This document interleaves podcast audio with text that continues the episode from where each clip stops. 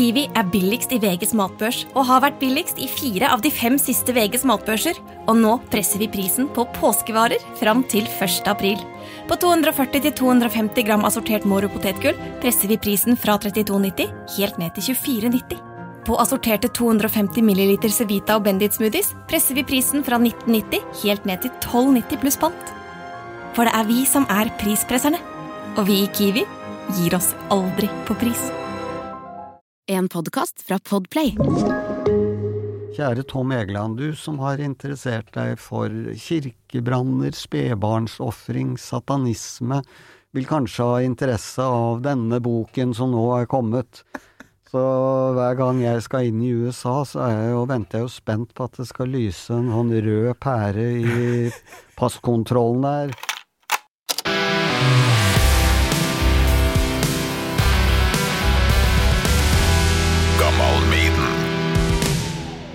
Forleden dag så var det nesten 500 bøker jeg signerte. I dag er det bare 200.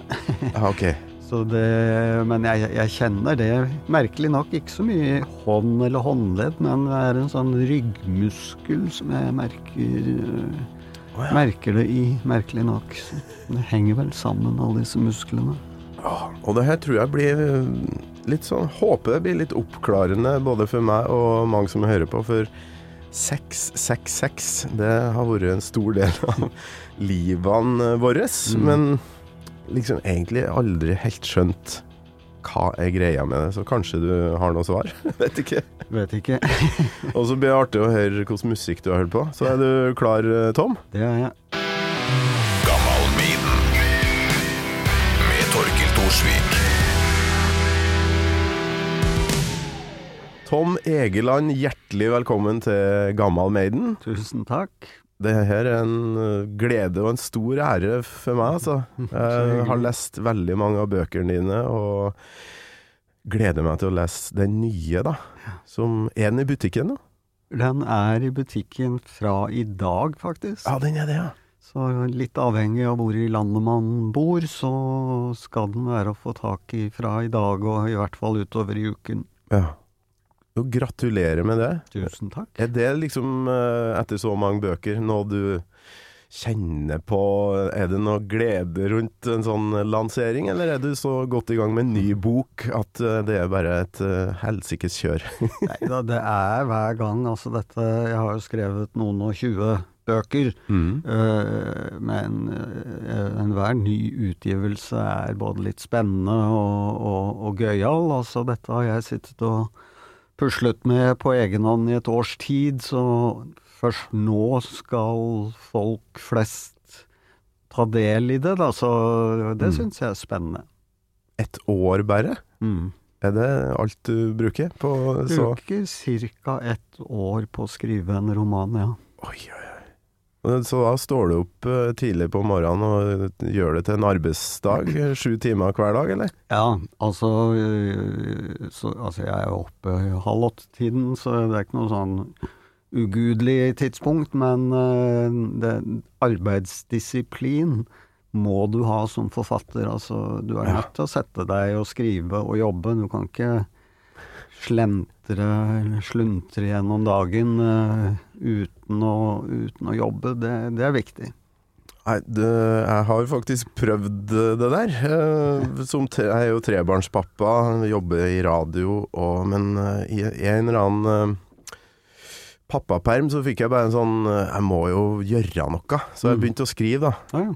Men steike ta det Ja, da skal du ha sjøldisiplin, altså. Ja da, det, det er uh, Altså, jeg pleier å si det at de, de forfattere som lykkes, altså de som blir utgitt, er jo de som har gjennomføringsevne og disiplin, og som setter seg på rumpa og skriver, og ikke tenker på å skrive, og se opp på fugler og himler og det er slike det, Man må jobbe, rett og slett. Vi skal jo til um, Altså, tittelen på den nye romanen, Bjørn Belte-boka di, er jo rett og slett 666, eller Mm. 666. Mm. Og det må vi snakke mer om, men jeg liker jo å begynne litt i Ja, i, i barndom og ungdomstid. Eh, og jeg liker å begynne egentlig med Iron Maiden. Så uh, faste spørsmålet mitt om om du, Tom, husker første gangen du uh, hørte Iron Maiden? Det klarer jeg ikke Jeg tror ikke egentlig noen band som jeg klarer å huske første gangen jeg hørte. Nei. Maiden kom vel i en fase av mitt liv hvor eh, jeg var på vei ut av ungdomstiden og inn i voksenalderen. Da jeg giftet meg tidlig, fikk tidlig barn. Eh, så jeg husker jo Maiden som en del av, eller kanskje forløper til hva er det det heter? New English Heavy Nei, hva heter det? er et sånt Ja, det er uttrykk. New Wave New Wave of Heavy of British, British heavy metal. heavy metal det. Jeg kjenner begrepet, men jeg husker aldri helt hva det heter, for det er så himla langt. Men, ja, ja. eh, jeg, og det var jo Det sammenfalt vel også litt med den amerikanske puddel-heavy-rocken, altså Mm. øh, vestkystrocken. øh, og, og, og der øh, britene vel var hva skal vi si, min, altså mer musikalske og mindre sminka og kreppa hår og alle de tingene der, sånn som jeg husker det, mens de amerikanske bandene, eh, det var veldig androgynt og, og eh, For meg Altså, jeg Mine store helter eh, var jo Altså Led Zeppelin, Deep Purple, Mm. Black Sabbath, altså tidlig 70-tall, Oh. overgang 60-70-tall. eh, Så for meg var mye av dette som, som kom, altså selv Metallica, da de kom, så tenkte jeg liksom, dette er jo bare kopier oh, ja, sånn av, av liksom de gamle mesterne, da. ja. Eh, det var det jo selvsagt ikke, altså de førte jo rocken Ja, videre på sitt vis, men eh, Ja, det gjorde de jo. jeg tror kanskje liksom mine band var enda mer eh, Altså lå mer i, i blues. Altså selv om de ikke spilte blues, så var de veldig inspirert av amerikansk blues, sydstatsrock, mens uh, bølgen som kom på ja, fra 80 og fremover, da var uh, det var jo en helt en, en ny retning, kanskje ikke så fokusert på bluesen og de gamle taktene, og, mm, og, og definitivt råere, da. Mm. Uh, og mye tøft. Og, og, og Maiden var jo uh, en del av det miljøet, sånn som jeg oppfattet det, da. Ja, ja. Og, mm, jeg er ikke noen Maiden-ekspert, men eh, jeg har jo Altså for eksempel Trooper syns jeg jo er en råtøff rockelåt. Veldig Ja. glad, glad i den. Eh, og, og syns jo de eh, er jo blant de bedre, da, syns jeg, av, av disse den gang nykommerne. Altså nå er det jo Mm. over 40 år siden, så, så tida går. Men, eh, men Nykommere, ja. ja, men altså, jeg tenker jo fortsatt på Ron Wood som han nye i Stones, ikke sant? Det er veldig bra. Ja, men det, det Ja, det, men Black Sabbath, altså, der ligger det jo kanskje mm, en del tematikk som eh, du må være eh, veldig interessert i, for du skriver jo romaner om mye esoterisk, mye religion og mm, litt sånn Alistair Crowley-lek som, eh, som Black Sabbath òg var veldig glad i. Var det noe viktig for deg i, i oppveksten, sånn at du, du hørte noen tekster og ble nysgjerrig på de her tinga? Jeg var øh, alltid vært, altså helt fra jeg var egentlig liten gutt, øh, fascinert av øh, altså parapsykologi, Mm. altså for så vidt satanisme, men vi kan jo komme tilbake til hva nå det egentlig er. Eh, og, og denne mystikken, da. Og, og ja, altså Black Sabbath, eh, altså bare navnet har jo en klang av mystisisme, og jeg registrerte jo fascinasjonen også i Led Zeppelin, altså for ja, særlig gammel mytologi, da. Ja. Og disse bandene sprang jo ut av egentlig 60-tallet, og på 60-tallet hadde jo Tolkien, som skrev 'Ringenes herre', uh, en, en, sånn oppblomstringsfase mm. i hippiekulturen. Ja. Uh, og i veldig mye av disse gamle rocketekstene så finner du jo mytologiske henvisninger og uh, en, en, fascinasjon da for nettopp det ja. mystiske i tilværelsen, i religioner, i mm. overtro, i fantasi, maga, magi. Ja. og, og jeg hadde lenge før det egentlig uh, vært fascinert av den, den tematikken. Mm.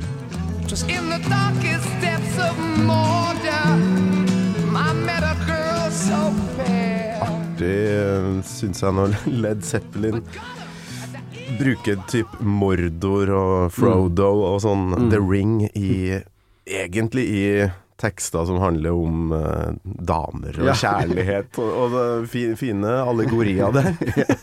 Altså basically handler vel all rock om å få seg damer, liksom. Det er ikke derfor rockemusikere blir musikere. Det har hatt gjester her som har innrømt det, ja. ja. Det er vel, eh, det er vel, eh, vil jeg tro, en kombinasjon. Altså klart, du, du når jo ikke langt uten talent og en musikalitet som de må ha i bånn. Mm.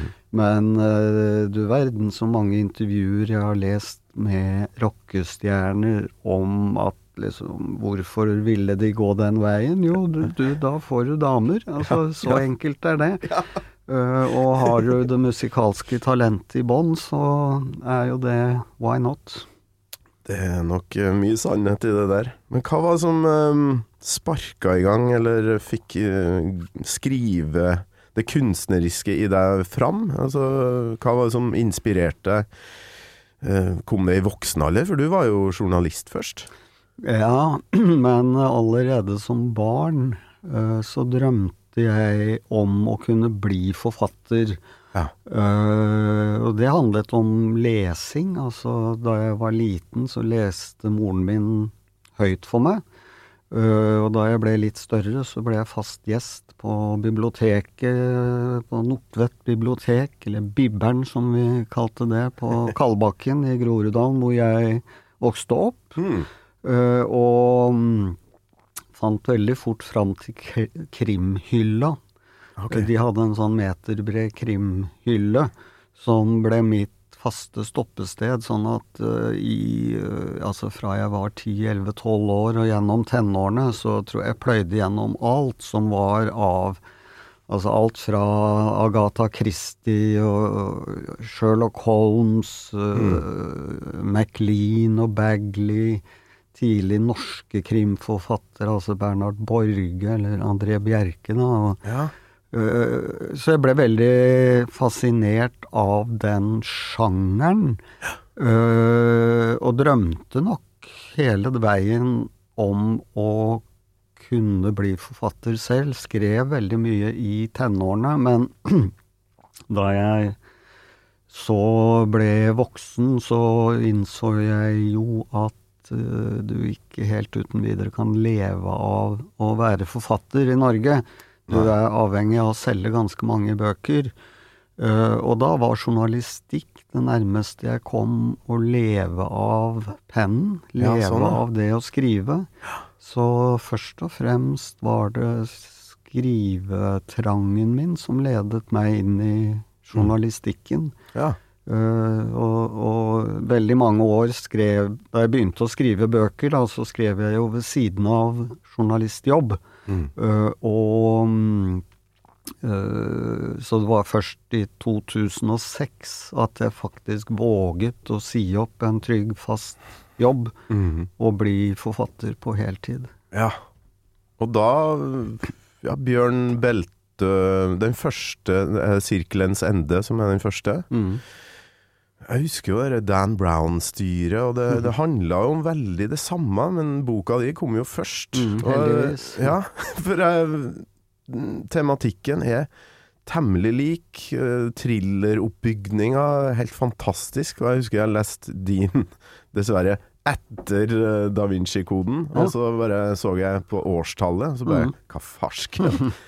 Han har skrevet det her Mm. før Dan Brown, og så hva tenkte du oppi alt det der? For det Nei. eksploderte jo. Det, det gjorde jo det. Eh, Jeg tror svaret på dette er veldig enkelt, og det er ikke at jeg tror Dan Brown har lest og plagiert meg. Altså på ingen måte.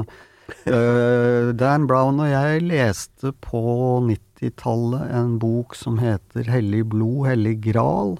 Ja. eh, som ble skrevet av tre britiske journalister med fokus på en egentlig spinnvill konspirasjonsteori om at Jesus overlevde korsfestelsen Mm. og dro ikke til himmelriket, men til Frankrike sammen med sin kjæreste Maria Magdalena ja. og at de fikk barn, og disse barna ble senere inngiftet i den, eh, en, en, en fransk eh, kongeslekt, altså Merovinger-dynastiet, Ja.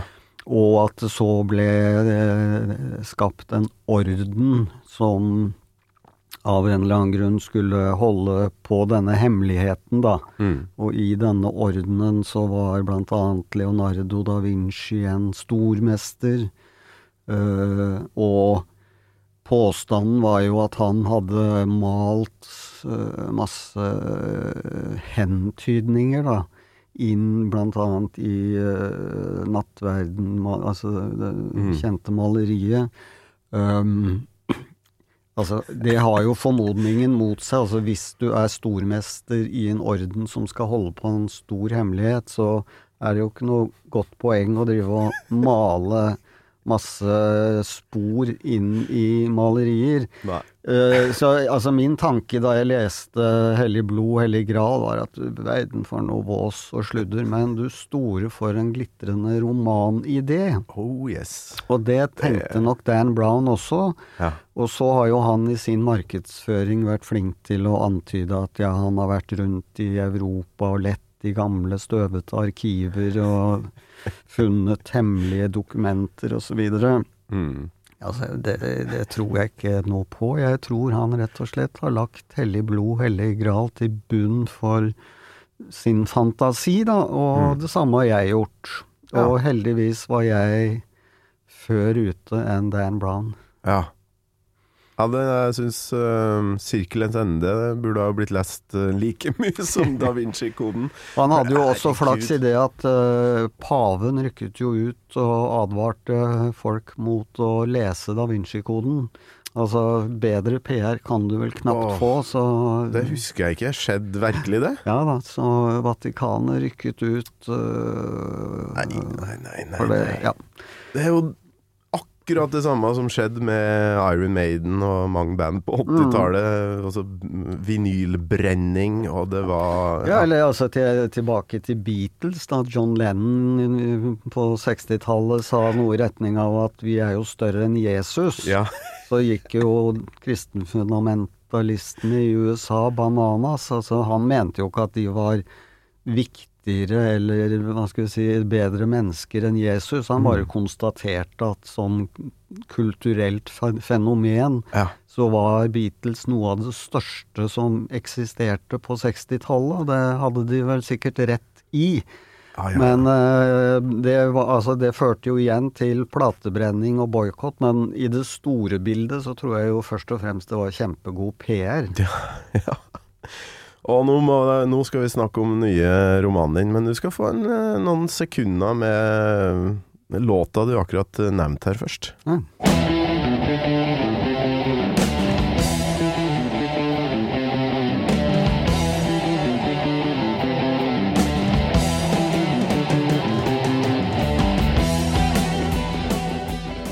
Det er jo så tøft. Jeg må jo spørre, egentlig, før vi begynner her, hva er det med den her, da? Du liker så godt, for den skrev du til meg på melding at uh, den, Mm. den er det tøft, den. Altså, det er jo særlig riffet. Eh, altså, jeg detter litt av når vokalen kommer inn, for å være helt ærlig. Eh, Jeg er nok veldig Jeg er nok veldig glad i tøffe riff. Eh, og dette her er jo utrolig tøft, da. Men altså sånn som gitarriff i Whole Lot of Love med Led Zeppelin og Smoke on the Water med Deep Purple, alle disse klassiske, tøffe riffene. Åh, jeg elsker det. Og så detter jeg litt av når vokalen kommer inn. Eh, altså Ikke at det er noe galt med Men altså, jeg, jeg, er- veldig sånn opphengt i kule riff og bassganger og tøff tromming. Den delen av eh, heavy-rocken, da. Ja, ja. Eh, og selv om jeg kan godt synes det er mye tøft i, i, i, i den, hva skal vi si, nyere, altså hva heter det, death metal og den type rock, så dette er fullstendig av med growling. Altså, det har jeg aldri klart å sette pris på. Nei. Eh, jeg, vil ha vokalister som synger på en god gammeldags måte, men, eh, men eh, riffbasert heavy rock er jo utrolig kult. Og du finner jo du finner jo altså Wagner. Altså veldig mange rockeelskere hater jo klassisk musikk, men altså sett Wagner på litt uh, høyt volum. Ja. Det er jo en forløper til rock. Ja, ja, ja. Og det er veldig mange av eh, Ja, du snakker om de bluesbaserte metallbandene på um, Eller hardrock, kan vi vel kanskje heller kalle det, på 70-tallet. Men dem som dukka opp på 80-tallet, Maiden, Metallica og de bandene, de er mye mer um, klassisk inspirert. Ja. Ja. Og, og dette her har jo lang historie. Altså Lord het vel eh, keyboardisten i eh, Deep Purple. Han- Ja. Han var jo klassisk utdannet pianist. Uh, og det er klart at når du forener ja, klassisk musikk, liksom sånn dyptfølte musikalitet, med rockens intensitet og rytmesans og alt som kjennetegner tung rock, da, så blir det i mine ører veldig bra. Altså, jeg, jeg, har, jeg, har, jeg er jo så gammel at jeg liker jo symfonisk rock. Um, mange band øh, syns jeg kanskje kan øh, altså være dyktige musikere, men du, du kan liksom ikke nynne melodigangen. Hvis du skjønner. Altså, det, er- det, er- det er bare bare harmonier og rytmer, men ingen sånn ingen sånn ektefølt musikalitet i bånn, mens de bandene som, som består av, hva skal vi si, dyktige, talentfulle musikere med respekt for og sans for øh, melodien med stor Oh, yes. M. Ja. Øh, De som klarer det, øh, så har jeg stor sans for. Altså et eksempel øh, som, Jeg vet ikke hvor kjente de er, men det, jeg tror det er et finsk band som heter er det Nightwish. I wish I had an angel for one moment of love. I wish I had your angel tonight. De er kjent, ja. De Sånn. kommer snart til, til Oslo. Ja, ikke sant? Altså, som, som jo på et eller annet vis forener nærmest opera og heavy rock. Ja. Uh, på sitt beste. Jeg syns jo det er så kult. Ja, det er Den der er jo eh, egentlig ved kjernen av min kjærlighet til Maiden, egentlig. Den mm. litt klassisk. Litt eh, keltisk òg. Litt sånn folkemusikk. Og så setter du en eh, jack-kabel inn i, i eh, fandens fele, bortimot, og kjøre på 11. Og da har du Maiden. Ikke sant? Fanden og fela, Myllargutten. Det er litt Det, det er noe ja, folkemusikk der òg. Ja, I melodiene. Absolutt. Og det igjen tilbake til 60-tallet. Altså alt fra altså Gentle Giant, Jethro Tull altså disse, Selv om ikke det liksom på den måten var heavy band, men altså de var dypt forankret i Ja, klass, ja, ikke klassisk, men altså, altså gammel folkemusikk, da. Folketoner. Og spilte det i stor grad med elektriske instrumenter og, og, og litt kjappe rytmer. And your wise men don't know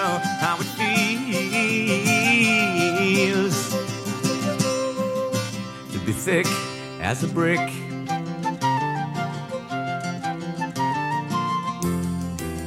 Ikke Jethro Tull, og det tror jeg ikke er tilfeldig, for um, Steve Harris, bassisten i Maiden, er kjempefan av dem. Og inspirert, da. Så. Jeg var faktisk på Jethro Tull-konsert i Konserthuset for noen år siden. De var på sånn gjestevisitt. Veldig gøy. Men jeg var jo også på Deep Purple, det begynner vel å bli sikkert ti år siden, eh, da de var i Spektrum. Ja. Tok med meg sønnen min dit, men eh, jeg vet ikke. Altså, det er jo noe med å være i sin tid. Altså, dette var gubber på vet ikke, noen og 70 med liksom langt, pistrete hår og Altså, det er jo noe med å se disse originalbandene liksom på slutten av 60-tallet eller rundt 1970, hvor de var liksom ungdommelige, struttende, flotte rockeguder. Ja, men ingen skal ta fra dem eh, det de har skapt, og de låtene lever jo Ja, er nesten evig, så de skal få lov til å reise rundt og Ta- ta- ta- sutte på karamellen. Ta Stones, da. Altså, de gutta må jo nærme seg 80 nå. Ja, ja, ja. Og still going strong, og er like spretne. Ja. Er helt Folk kommer til å lese Tom Egeland-bøker, sjøl om du er 99 år gammel, Ja, vi får se, da. Vi får se. Det tror jeg nok.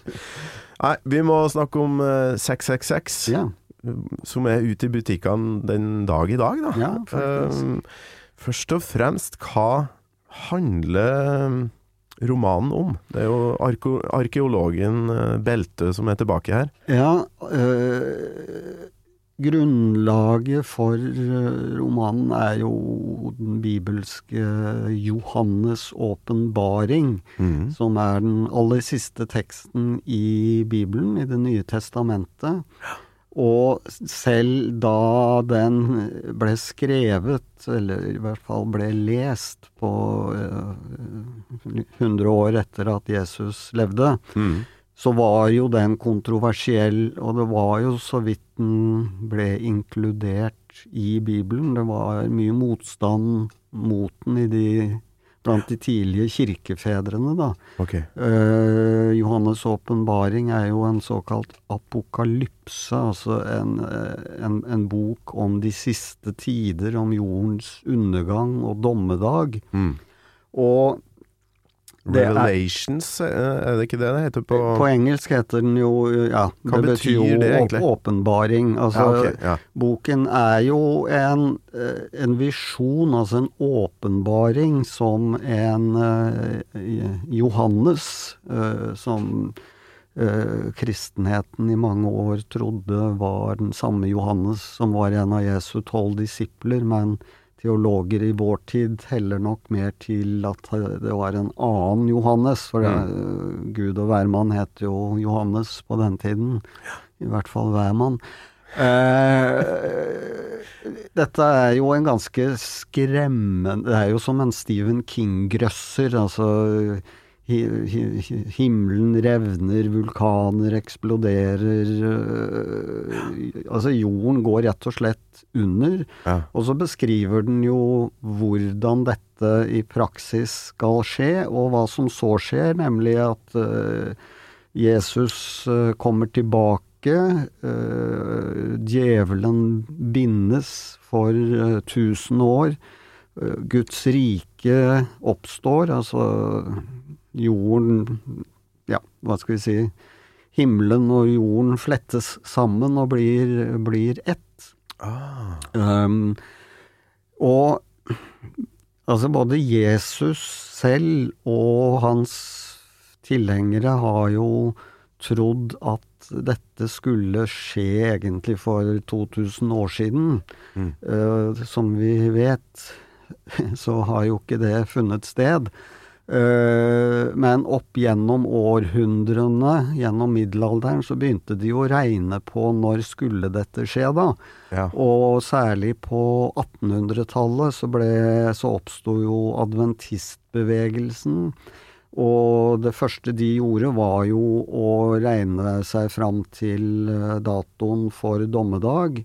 Og så kom den, og så gikk ikke verden under, og så regnet de ut på nytt, og så kom ikke dommedag, og så ble bevegelsen splittet, for da var de så uenige om hva dette var. Og, og, og ut av dette igjen så kom jo da det som Altså kirkesamfunnet, syvendedagsadventistene, som fremdeles finnes, da, og også i Norge.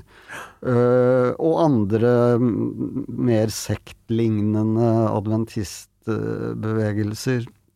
Eh, sen, senere kom jo også Jehovas vitner med sine regnestykker, men eh, etter gjentatte forsøk på å sette tid og dato for eh, dommedag, eh, siste på 70-tallet egentlig, hvor veldig mange vitner solgte unna hus og biler og satte seg ned og ventet på dommedag og Jesu komme. Ja.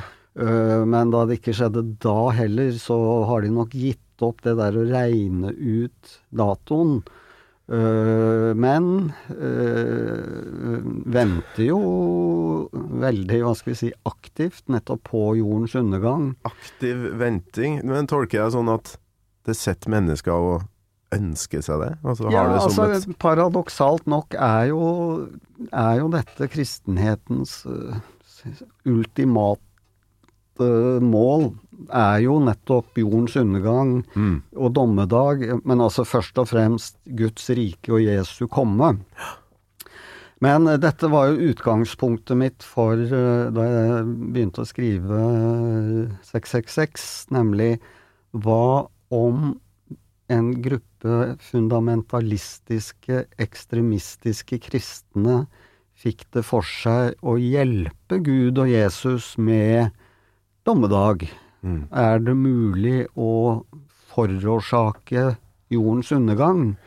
Uh, og uheldigvis, hadde jeg nær sagt, så finner de en metode som jeg ikke skal røpe her, men uh, som, som faktisk vil uh, legge et dommedag til grunn, da. Mm. Så boken handler jo dels om Bjørn Beltøs først jakt på Johannes' åpenbaring og originalmanuskriptet, og så hans mistanke om hva som er i gjære, og så må han jo klare å overbevise eh, etterretningstjenesten i USA da, om dette. Eh, og de fester jo mildt sagt ikke særlig lit til en sånn konspirasjonsteori. Mm.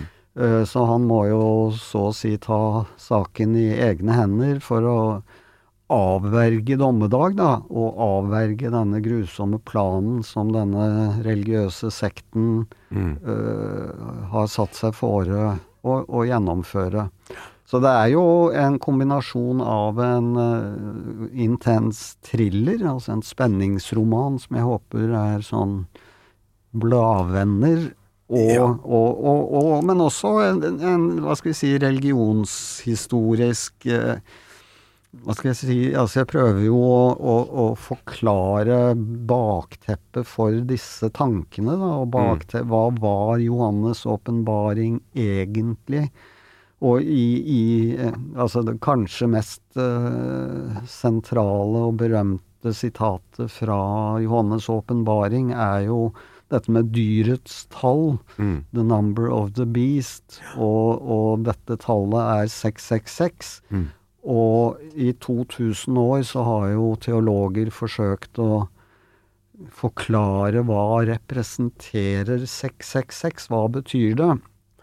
Og der er det jo mange teorier. Den kanskje mest rådende teorien er jo at det er et såkalt uh, tallskiffer eh, som representerer keiser Nero.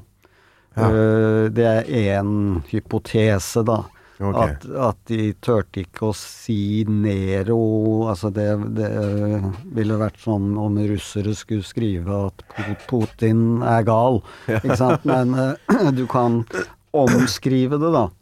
Og så er det jo til og med mm, en debatt om 666 er det riktige tallet. altså fordi at i eldre bibelmanuskripter så har du også funnet tallet 616. Ja, Som da det- andre mener er et øh, riktigere tall, men, men til syvende og sist sitter du igjen med spørsmålet hva betyr det? Hva, hva representerer det tallet? Hva er, eller hvem er dyret? Mm. øh, i åpenbaringen. Og, og øh, ja, teologene har debattert dette her i 2000 år, og er vel ikke nødvendigvis enige den, den dag i dag. Altså, bare hør på introen til eh, The Number of the Beast, da. 1982. Ja, Bruce Dickinson har akkurat kommet inn i bandet, og det tok jo helt av med Fant en eh, sånn radiostemme nede i Storbritannia som leste inn det her. Barry Clayton heter han. Woe to you, O earth and sea, for the devil sends the beast with wrath, because he knows the time is short. Let him who hath understanding reckon the number of the beast, for it is a human number. Its number is 666. Og du kan tru eh, lille Torkil da, noen år seinere, når jeg hørte det her for første gang, sprang rett i bokhylla. Ja. For det sto jo eh, Revelations eh, 1318, Ja. er det?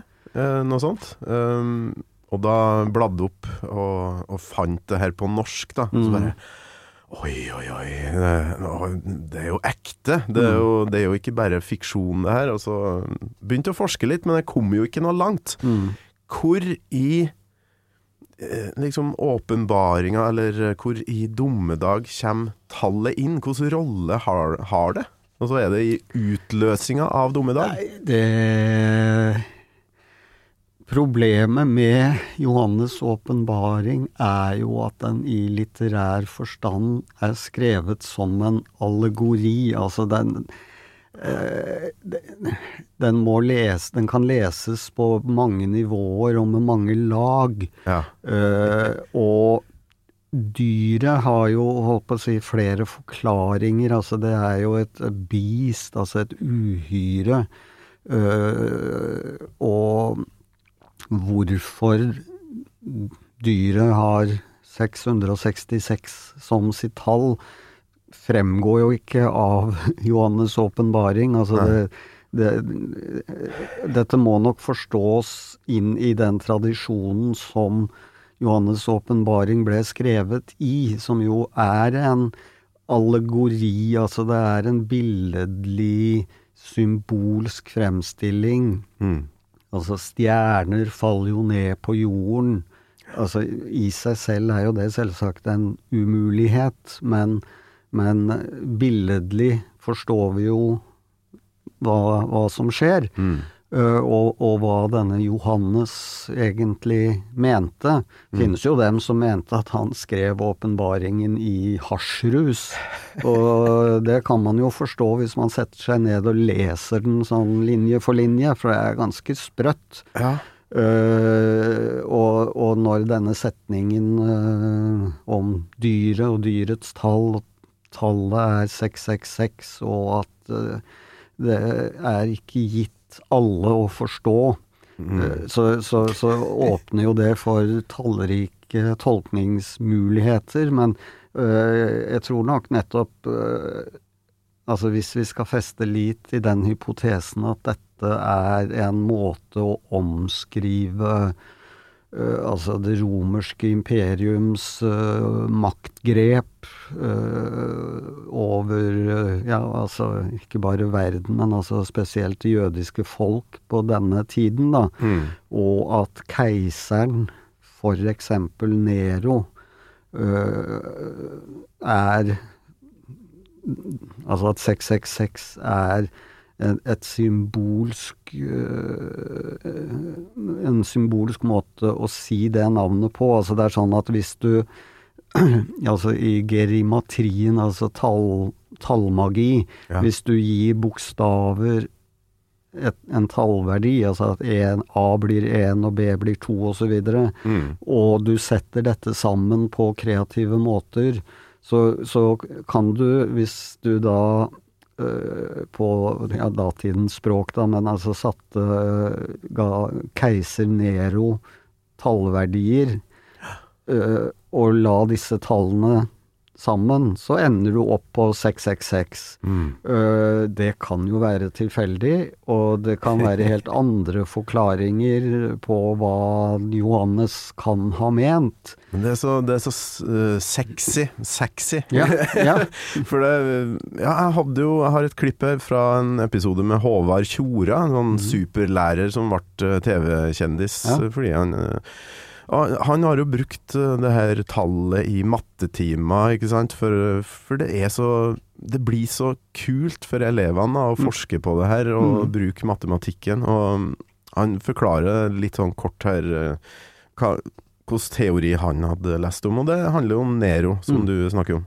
Og hvis du tar keiser Nero, på hebraisk så tror jeg det er noe sånn nevron quasar, et eller annet sånt. Ja. Hvis du tar de bokstavene og slår dem sammen, så får du 666. Og det står også at eh, du kan, jeg tror det står at du kan ikke kjøpe eller handle uten å benytte tegnet. Mm. Og det har vært brukt som en sånn greie om at kapitalisme er en stor synd. Men myntene på den tiden hadde bilde av keiser Nero. Aha. Ah, yes. Så ja, det han har helt rett i dette. masse Altså, forskning i gammel Maiden her. regn, regn, rein, selve regnestykket står i en fotnote i romanen, eh, sånn Ja. at jeg viser hvordan keiser Nero på hebraisk, da, ved å tillegge bokstavene tallverdier, hvordan dette munner ut i 666. Mm. Uh, men altså, det er jo ja, det er jo en gjetning, en hypotese. Kanskje stemmer den, kanskje har det Det er mange, mange ulike forklaringer, og, men alt er jo egentlig kvalifiserte gjetninger. Ja. For min uh, generasjon, eller uh, ja, for dem som vokste opp på 80-tallet, så er jo Maiden egentlig en sånn inngang til det her tallet, på, på sett og vis. Og Bjørn Beltø i dine romaner, og for så vidt i Robert Langdon, han heter, i Mm. Dan Brown sine, driver jo alltid og liksom nevne nevner populærkultur for å Mm. liksom Ja, Mm. det her er jo et kjent fenomen, men det ingen vet, ikke sant? Mm. Nevner du Maiden eller noe populærkultur i, i romanen her? Ikke akkurat Maiden, men øh, jeg refererer jo til øh, øh, altså skrekkfilmer som strengt tatt var basert på veldig gode romaner, altså Rosemary's Baby, Ja. Eksorsisten, som var veldig skremmende filmer, øh, senere The Omen, som jo inspirerte øh, Dickinson til teksten Ja. i, i, i The Number of the Beast, så har han forklart. Jeg tror det var Steve Harris som Ja, var hadde Harris? Ja. The Omen 2, Ja, faktisk. ja. Den oppfølgeren som ikke er like bra. Nei, Men der er altså, noe hele Omen-universet er jo på en måte bare en uh, spin-off av Ja. av Eksorsisten og, og Rosemary's Baby, som jo var glitrende både skrekkfilmer og, og romaner. mm. Men det morsomme er jo at altså satanisme som fenomen uh, er jo faktisk ikke eldre. Altså, man tror jo lett at uh, fordi hekser ble brent i middelalderen osv., så, videre, så så var de satanister. Men det var de jo ikke. Altså, de var De, de ble jo Altså, for det første var de jo ikke hekser. Altså, du må jo være ganske høyt oppe på syre for å faktisk tro på det kirken trodde om disse såkalte heksene, da. Men, eh, men altså satanisme som livsfilosofi dukket først opp på slutten av 1800-tallet, tidlig 1900-tall. Altså Alistair Crowley og, og hans uh, telema, som jo i- er en mellomting av en religion og en filosofi. Eh, men først og fremst på 60-tallet, eh, en kar som het Anton LaVey, som skapte The Church of Satan i 1966. Og så ny er egentlig satanismen. Men satanisme er jo heller ikke det vi tror det er. Altså, det er jo ikke sånn at satanister tror at Satan eller djevelen er en gud. Øh, eller veldig få satanister tror egentlig det. De fleste satanister er jo sannsynligvis ateister. Men uh, satanismen er uh, uh, en livsfilosofi som veldig forenklet går ut på å sette seg selv først, altså sette hva skal vi si, hedonismen, da, eller liksom velbehaget og livsnytelsen øh, aller, aller først. Og så, samtidig med dette, så begynte jo populær, populærkulturen og også øh, rockebandene å, interessere seg for denne tematikken, for den er jo, den er jo litt spennende i seg selv. Det er jo et opprør mot eh, institusjoner som, eh, ja, og ikke minst maktpersoner, som kanskje bruker religion og den slags eh, for å få utøve makt. Men sånn som altså, kirkebrenning og disse tingene eh, Det er jo ikke strengt tatt eh, satanisme. Altså, det er jo først og fremst hærverk. Uh, Ja. eh, i, i, i, vil du se velvillig på det, så er det jo, som du sier, et opprør mot kirkemakt og autoriteter. Men, men eh, den institusjonaliserte satanismen handler jo ikke om disse tingene i det hele tatt. Kirkebrenning, eh, der snakker vi jo 16-17 år gamle gutta. Eh, Ja, ikke sant? Jeg vet ikke hvor hardt de egentlig har tenkt og lest eh, Bibel og Ikke sant? Nei, altså det, igjen, det, for meg, det, er ikke satanisme. Uh, altså, du har nok genuine satanister, men de er ikke først og fremst religiøse, og de driver ikke med sånne ting, og det er, det kanskje liksom vel så mye inn i dette, hva skal vi si, Wicca-miljøet, altså naturreligion, altså i anførsel hekser, øh, som dyrker natur, naturens krefter, åndelighet, indre styrke, altså en del slike ting, mer enn disse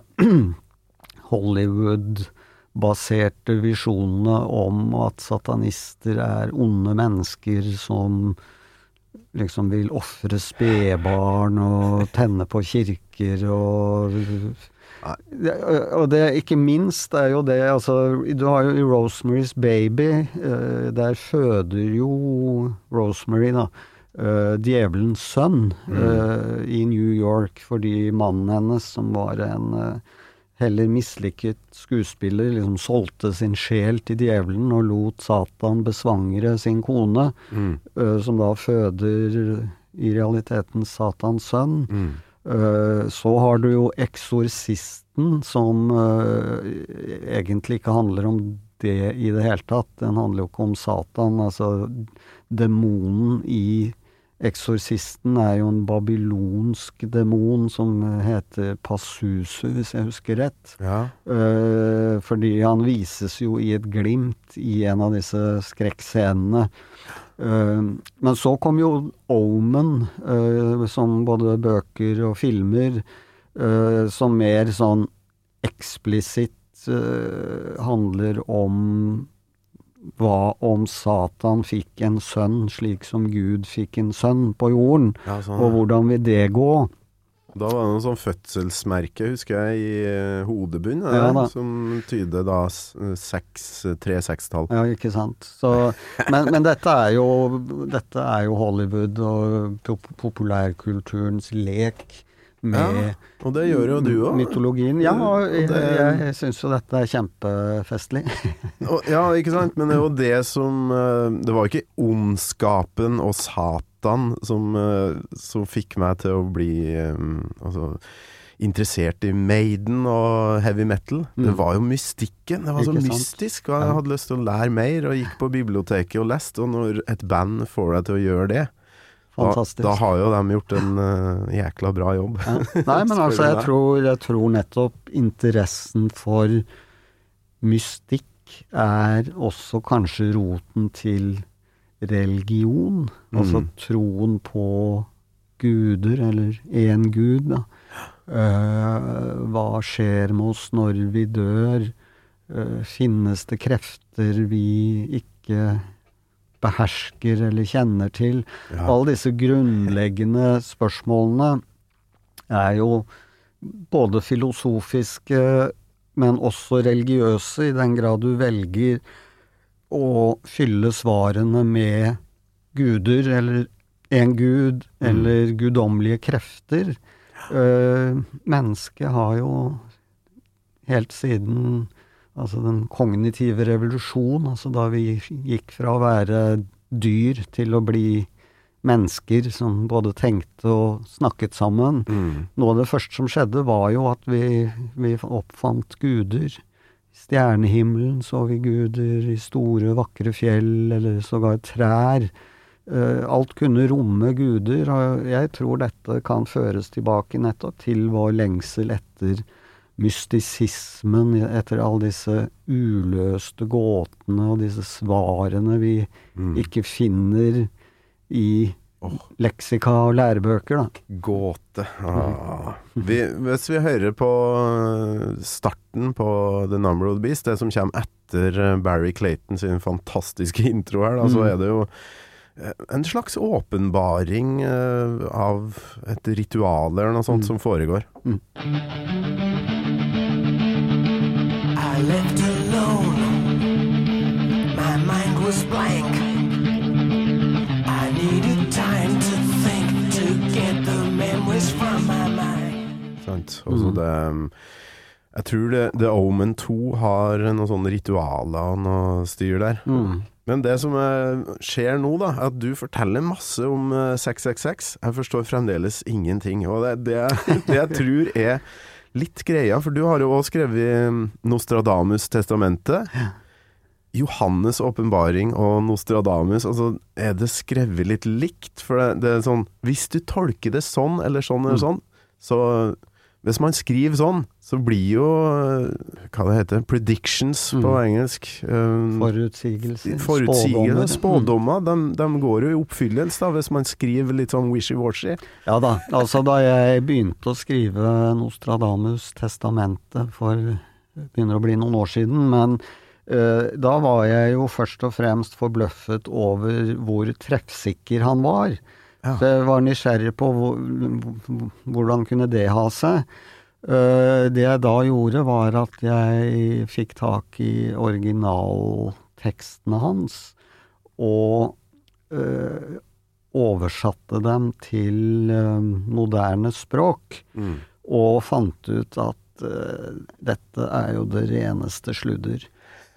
Nostradamus er opp gjennom opp gjennom tiden i stor grad blitt oversatt av velvillige oversettere, sånn at det han skrev relativt upresist, i en oversettelse blir noe mer presist, sånn at det er lett å tro at han faktisk eh, forutså noe. Han, han skriver blant annet eh, om hister, som veldig mange har tolket eh, som Hitler, bare med en liten stavefeil. Ja. uh, nei, altså Hister var et geografisk navn i, på den tiden. Ja. Uh, og sånn kan du ta Altså, Nostradamus skrev jo noe sånt som 10 000 spådommer. Mm. Og du kan kanskje med velvilje si at en håndfull av dem minner om en, en, en reell spådom som har gått i oppfyllelse. Men måten han skrev på var jo, som du var inne på, veldig utydelig. Mm. Og det er klart at skriver du eksempel eh, de to store makter vil stå overfor hverandre, Mm. krigen vil utløse sult og død. Liksom, ja, altså skriver du det, så får du jo før eller senere rett. Mm. Eh, og, og det kjennetegner jo hele forfatterskapet til Nostradamus, at går du tilbake til originaltekstene, ser hva han skrev, så er det utrolig generelt, vagt, flytende Mm. og øh, ikke, ikke treffsikkert i det hele tatt. Han, ble, han solgte jo veldig mye spådommer, altså privat, altså konger og uh, mektige menn Ja. uh, bestilte private spådommer fra ham. Yes. Og han uh, fikk jo veldig mye kritikk for det at uh, håndskriften hans enkelte ganger var uleselig. Altså det lot seg ikke lese hva han skrev. Og i andre tilfeller, når det var mulig å lese håndskriften, så var det liksom ubegripelig, da. Altså det, det, det Han klarte jo ikke øh, å forutse sin egen død. Altså hvis han virkelig var spåmann, så burde han vel kunne klart det, vil jeg mene. Ja, ja, ja. Her har vi mye god tematikk fra um, albumet The Seventh Son of a Seventh Son av Iron Maiden. Ja, den, den klarsynte sjuende sønn som uh, Ja. spår uh, undergangen til heimbyen sin, uh, blant annet. Men det var vel et album som Eller en tematikk som jeg tror bunner i Steve Harris, som satt og Satt og grubla over en Ei dame som visstnok hadde spådd sin egen død, Ah, ja. som var i avisa eller noe okay. sånt, Som vidt jeg husker. Altså Maiden har vel også et album eller en sang som heter The Book of Souls. Ja, altså stemmer. Sjelenes bok. Ja. Det er jo også et sånt Det er jo et gammelt øh, Eller det er en kapitteloverskrift i et gnostisk verk. Ah, ja. uh, altså gnostikerne var jo eh, Altså gnostisismen var en religion i tidlig kristendom som hadde noen tentakler inn i kristendommen, men eh, den var så avvikende at den ganske tidlig ble avvist av, Ja, okay. da, da kristendommen hva skal vi si, ble skapt uh, i de første århundrene etter uh, at Jesus ble korsfestet. Mm. Uh, da hadde du jo gnostisk kristne menigheter, men eh, gnostisismen ble jo ganske tidlig hva skal vi si, kjeppjaget ut av kristendommen, da, for det, de to trosretningene var strengt tatt ikke teologisk eh, forenlige. Mm. Men eh, gnostikerne, det var jo også en, en spennende mystisk religion eh, om hva skal vi si eh, sjeler som svevde i hva skal vi si eteren eller i himmelrommet, og som søkte etter kropper på jorden osv. Ja, sånn, ja. Eh, en, en, en ganske sånn avansert og abstrakt religion, men, men I coverarten her så er det jo um, en Eddie, da, som han heter, Ja. den maskoten, Ja. med litt sånn mayaaktig, maya-aktig, eller i hvert fall en eller annen søramerikansk uh, Ja, så har du hele, ikke sant. Altså alle kulturer, alle sivilisasjoner har jo sine guder og sine Ja. referanser og sine øh, hva skal vi si, billedlige uttrykk. Og, og, og dette monsteret til Maiden, eller denne liksom vignetten eller symbolet, eller hva vi skal kalle det, Mm. øh, henter jo inspirasjon nettopp fra alle disse ja, kulturelle, religiøse øh, trosretningene. Så det er jo en sånn slags nærmest arketyp, altså at øh, Uh, Maiden Jeg vet ikke hvor bevisst de er på dette, men altså de, de, de, de lefler jo med et, en sånn grunnleggende religiøs forståelse av, av øh, tilværelsen. Mm. Men eh, altså, jeg vet jo det ble jo De ble jo beskyldt for satanisme da de utga 'Number of the Beast' i sin tid, og har jo kategorisk avvist det, og det tror jeg dem på. Ja. Jeg tror nok at de rett og slett bare syns det er kult Jeg å leke, med, leke seg med disse begrepene og disse kulturelle referansene. Jeg tror ikke de er så veldig langt unna Tom Egeland. Nei, ikke sant? de, de er fascinert Ja. og interessert, og veldig belest, faktisk. De leser jo utrolig mye bøker og skriver tekster. Så ja, tenk om du skulle ha blitt eh, kalt satanist fordi du nå har gitt ut ei bok med den tittelen, 666. Men altså, jeg får jo fortsatt Altså, jeg skrev jeg Utga i 2009 en bok som het Lucifers evangelium. ja, den husker jeg. Uh, og da bestilte jeg jo veldig mye bøker om satanisme fra Amazon. Ja. Uh, for å sette meg inn i ja, Satans eh, hva skal vi si, livshistorie, biografi, religiøse betydning. Mm. Så jeg får jo fortsatt bøker fra Eller får spam-mail fra Amazon som lyder sånn Kjære Tom Egeland, du som har interessert deg for kirkebranner, spedbarnsofring, satanisme, vil kanskje ha interesse av denne boken som nå er kommet. Så hver gang jeg skal inn i USA, så er jeg jo, venter jeg jo spent på at det skal lyse en sånn rød pære i passkontrollen der, og at jeg blir hentet ut. Mr. Reglan, can you please come with us? Ja, For en samtale om min uh, fascinasjon for disse spørsmålene. PST har nok noen mikrofoner i leiligheta Har nok en eh, huset. liten uh, mappe, ja. Fare for det.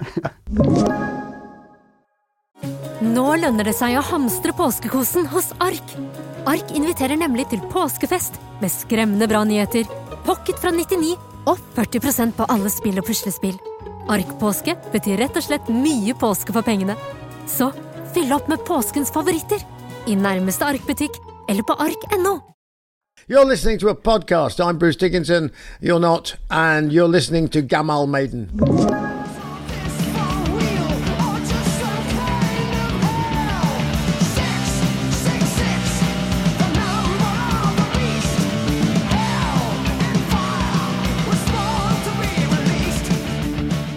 Hører du på musikk mens du skriver? Jeg har prøvd det, men eh, jeg blir for fokusert på musikken. Sånn at eh, det har jeg gitt opp. Du får skrive en belteroman om musikk. Da. Klassiske verker. øh, Sånne originale partiturer. Tritonus, djevelens intervall. Det er mye mystikk der. Vet Ja, du. nei, nei, altså musikk rommer utrolig mye, også mystisisme. Og, og, Mm. Altså jeg bare merker på meg selv, enten jeg nå hører et klassisk verk eller en topp rockelåt, hvordan kroppen får en, altså en fysiologisk reaksjon Mm. når jeg syns det liksom er superbra. Altså jeg, hele kroppen min øh, får en sånn euforisk følelse Mm. øh, de gangene jeg øh, hører musikk som virkelig snakker til meg. Ja. Øh, så det er noe mystisk med musikk. Mm. Vi, jeg kan jo kjenne etter mens jeg hører på slutten av Number of the Beast her, om jeg, om jeg får noe fysisk øh, effekt av det. Nei, nei, det var skriket til Bruce Dickinson, det. Eh, ja, nå finner jeg ikke uh, avslutninga her. Vet du hva? Da hører vi på skriket til Ja. Bruce, for det er jo Han er jo, bes, han er jo besatt av uh, noe her. Det må han jo være.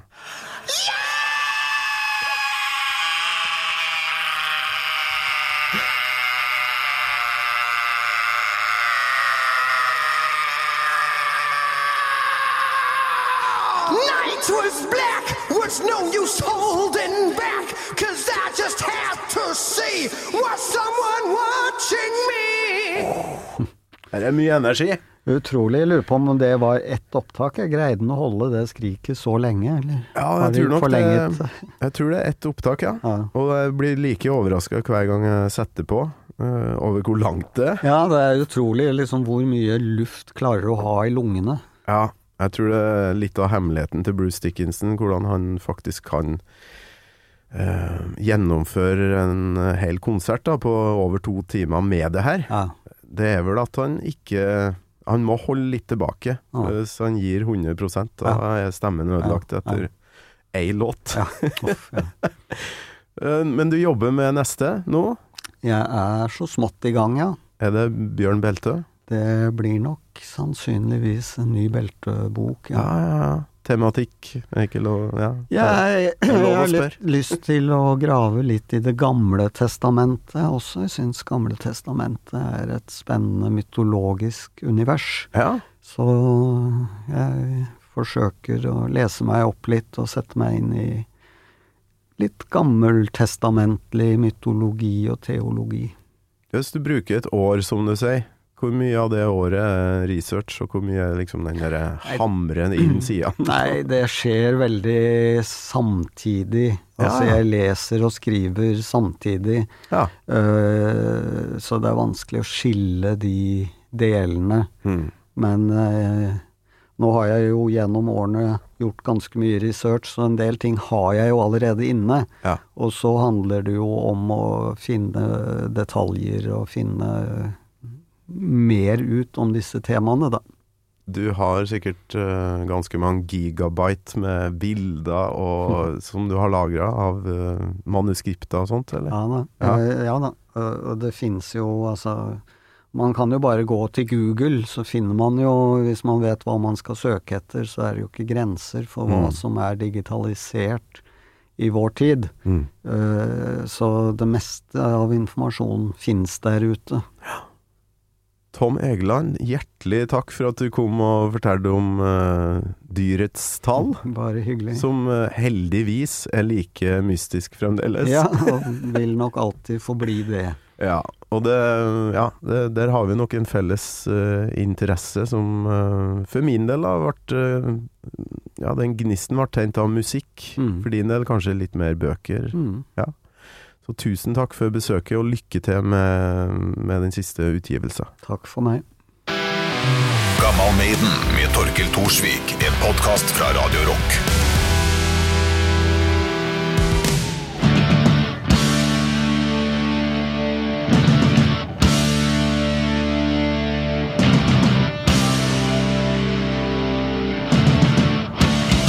Are Iron Maiden satanic?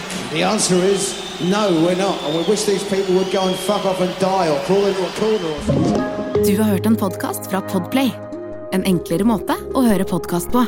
Last ned appen Podplay, eller se podplay.no.